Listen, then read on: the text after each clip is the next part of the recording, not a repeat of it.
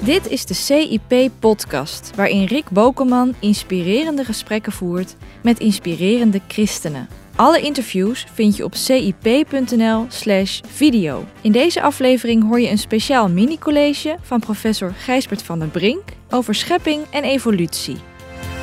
In het eerste college heb ik eh, geprobeerd een wat algemener overzicht te geven van de verhouding tussen geloof en wetenschap, met name als het gaat om het debat um, over de verhouding van schepping en evolutie. In dit tweede mini-college zoom ik wat verder in op een um, wel heel aangelegen thema, namelijk de vraag: hoe zit het dan precies met de mens? Kijk, veel mensen hebben mij gezegd dat die, dat die aarde nou uh, zo gigantisch oud is. Ja, daar heeft het eigenlijk wel alle schijn van. En dat kan ik ook nog wel uh, rijmen met, met mijn geloof. En ook nog wel het idee dat daar al heel lang allerlei levensvormen in te vinden zijn. Um, die ook dan steeds complexer zijn geworden in de loop van de tijd. Um, misschien is het ook nog wel denkbaar dat uh, al die levensvormen op bepaalde ingewikkelde manieren uit elkaar zijn voortgekomen.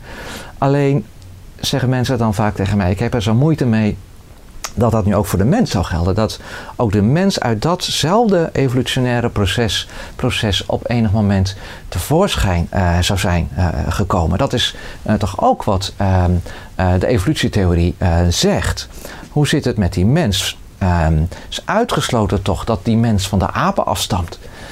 Um, nou, dat laatste is ook inderdaad wel zo. Dat de mens stapt niet van de apen af. Volgens de evolutietheorie is het zo dat uh, wij mensen een gemeenschappelijke voorouder delen uh, met de apen. En uiteindelijk natuurlijk met, met, met alle andere dieren ook. dus dan zult u zeggen, nou dat maakt dan weinig verschil. Dat komt er toch dan ook wel weer gevoelsmatig misschien op hetzelfde neer. Als wij, als wij dan het idee dat wij van de apen zouden afstammen. Het is inderdaad waar dat uh, het idee van gemeenschappelijke afstamming, zoals we dat noemen, een belangrijke pijler vormt onder de, de evolutietheorie. Het gaat niet alleen over die deep time, over die gigantisch oude aarde, waarin al die evolutionaire processen zich moeten hebben afgespeeld. Um, maar het gaat ook om het idee dat de ene soort daarbij uit de andere soort is uh, voortgekomen via mechanismen van uh, een natuurlijke selectie die dan ingrijpt op genetische mutaties.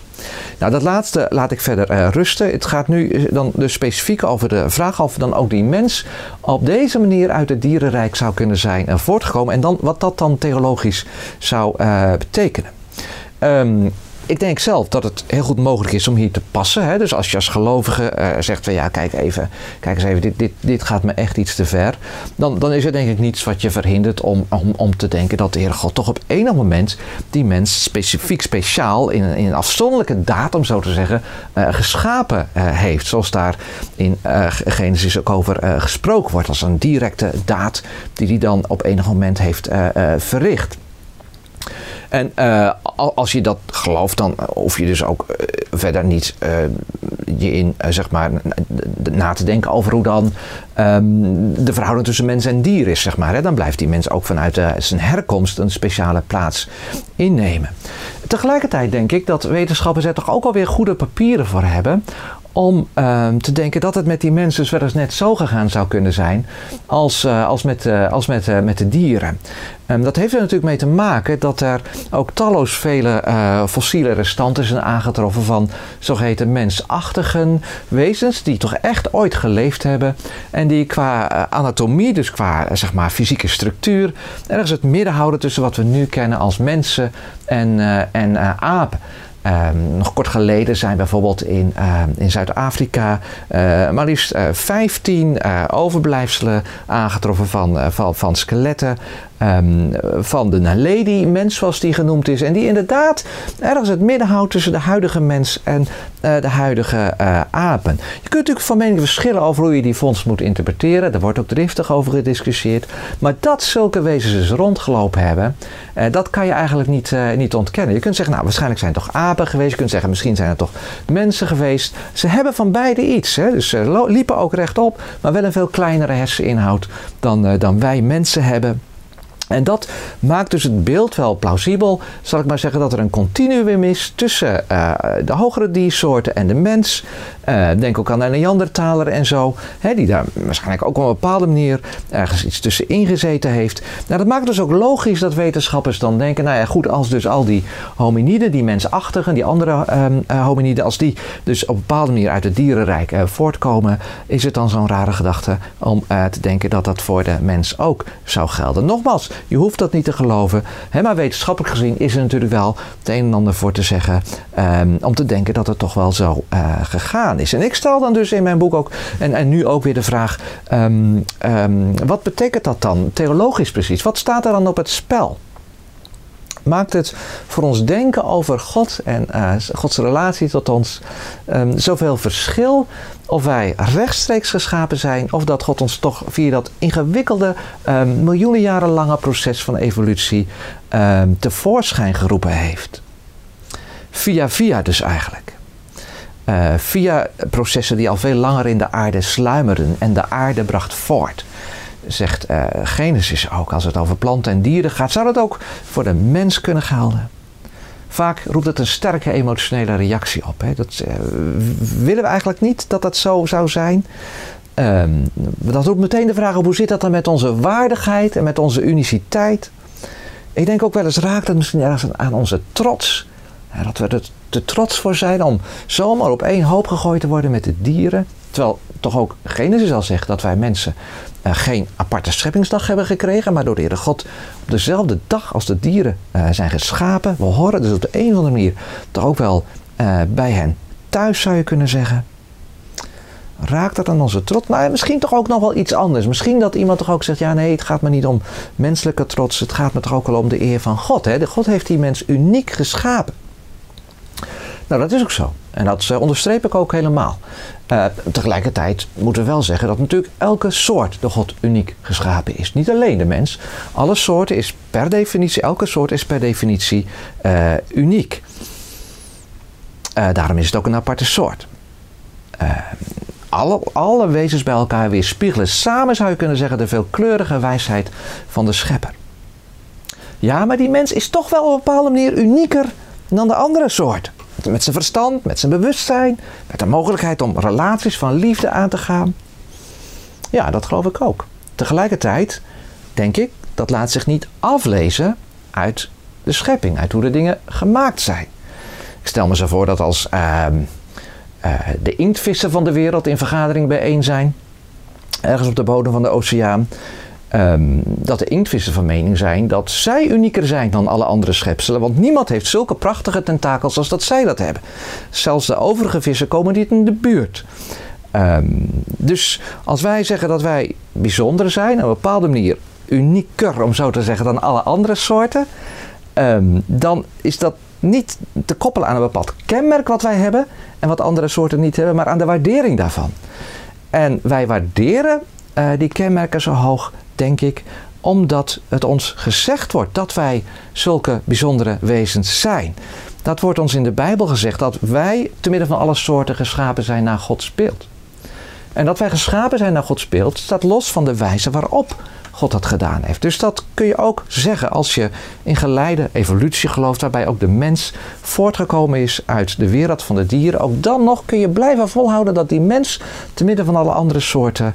Um, naar het beeld van God geschapen is als enige uh, soort. Met een hoge roeping. De roeping om heel de schepping te beheren en te bebouwen. Dat heeft geen enkele andere soort heeft die roeping gekregen.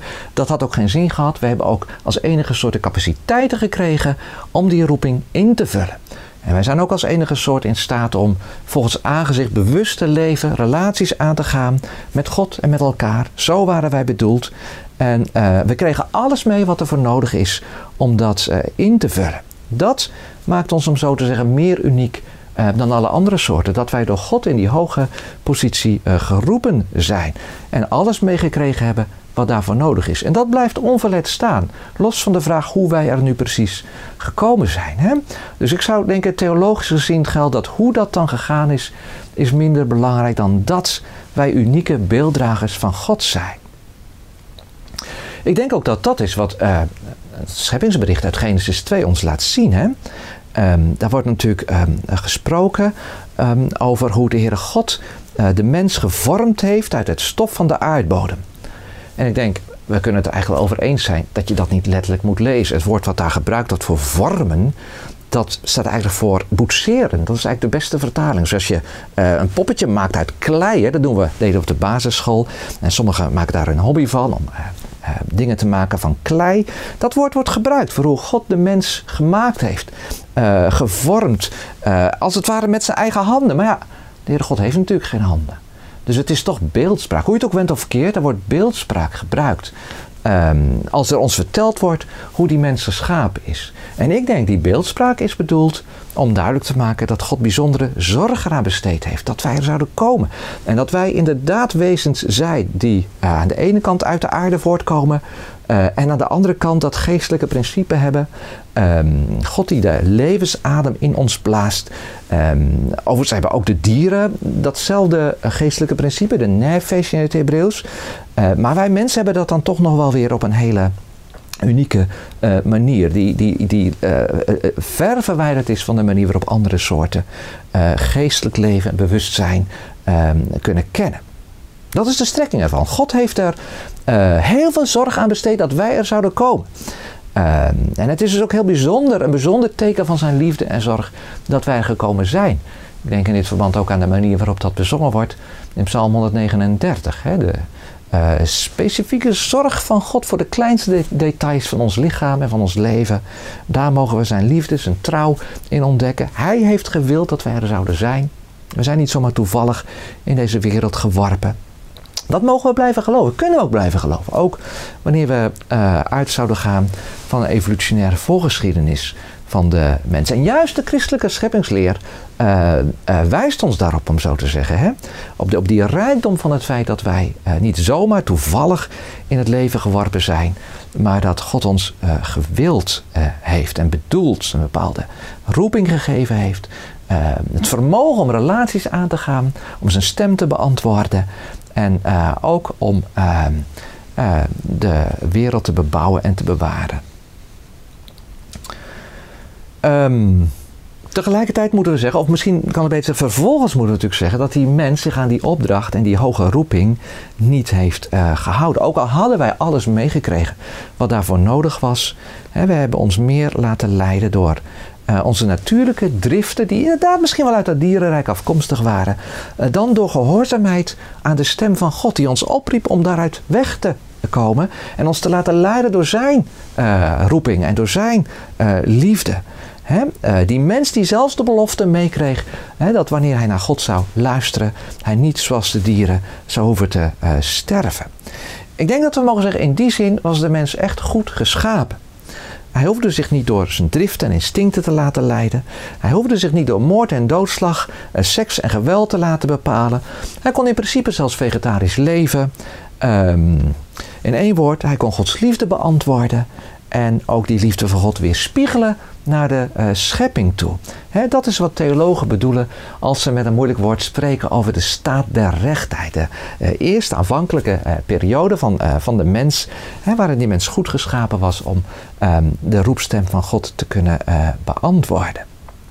Ook wanneer je uitgaat van een evolutionaire voorgeschiedenis, kun je dus de kern van wat daar bedoeld wordt met die gedachte van de staat der rechtheid onderschrijven en ook vasthouden. Alleen we weten dus dat de mens daaruit weggevallen is, dat de mens gefaald heeft. Hoef je maar voor om je heen te kijken om dat waar te nemen. Zeker ook die hoge roeping om de aarde te bebouwen en te beheren, die hebben wij tot en met verwaarloosd tot op de dag van vandaag. En helaas doen christenen daar uh, uh, net zozeer in mee met uh, de destructie van het klimaat en van, van het milieu als anderen.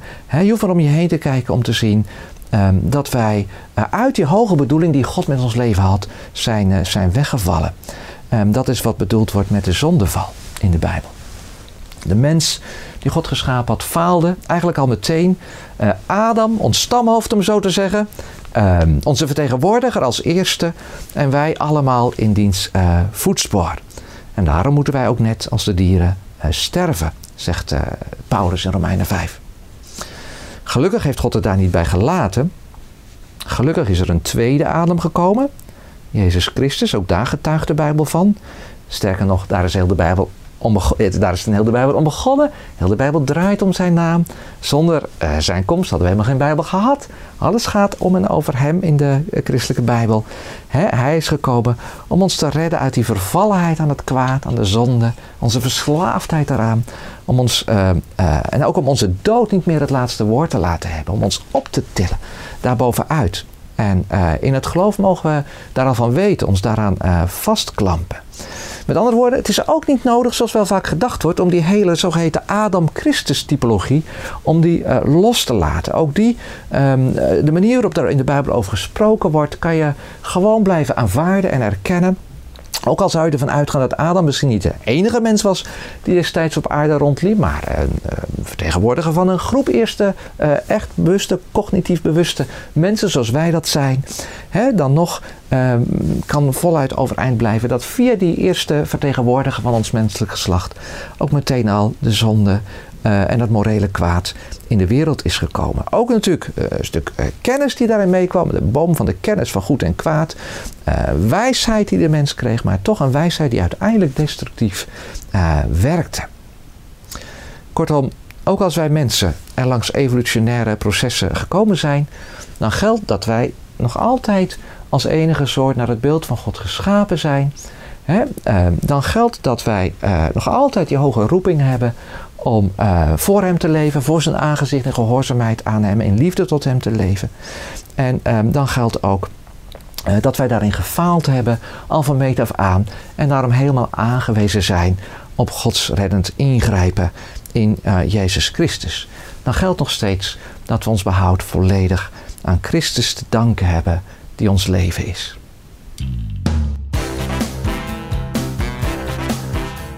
Je luisterde naar de CIP-podcast. Heb je wat gehad aan deze podcast? Laat dan een recensie achter in iTunes of steun CIP.nl door CIP Plus lid te worden op onze website.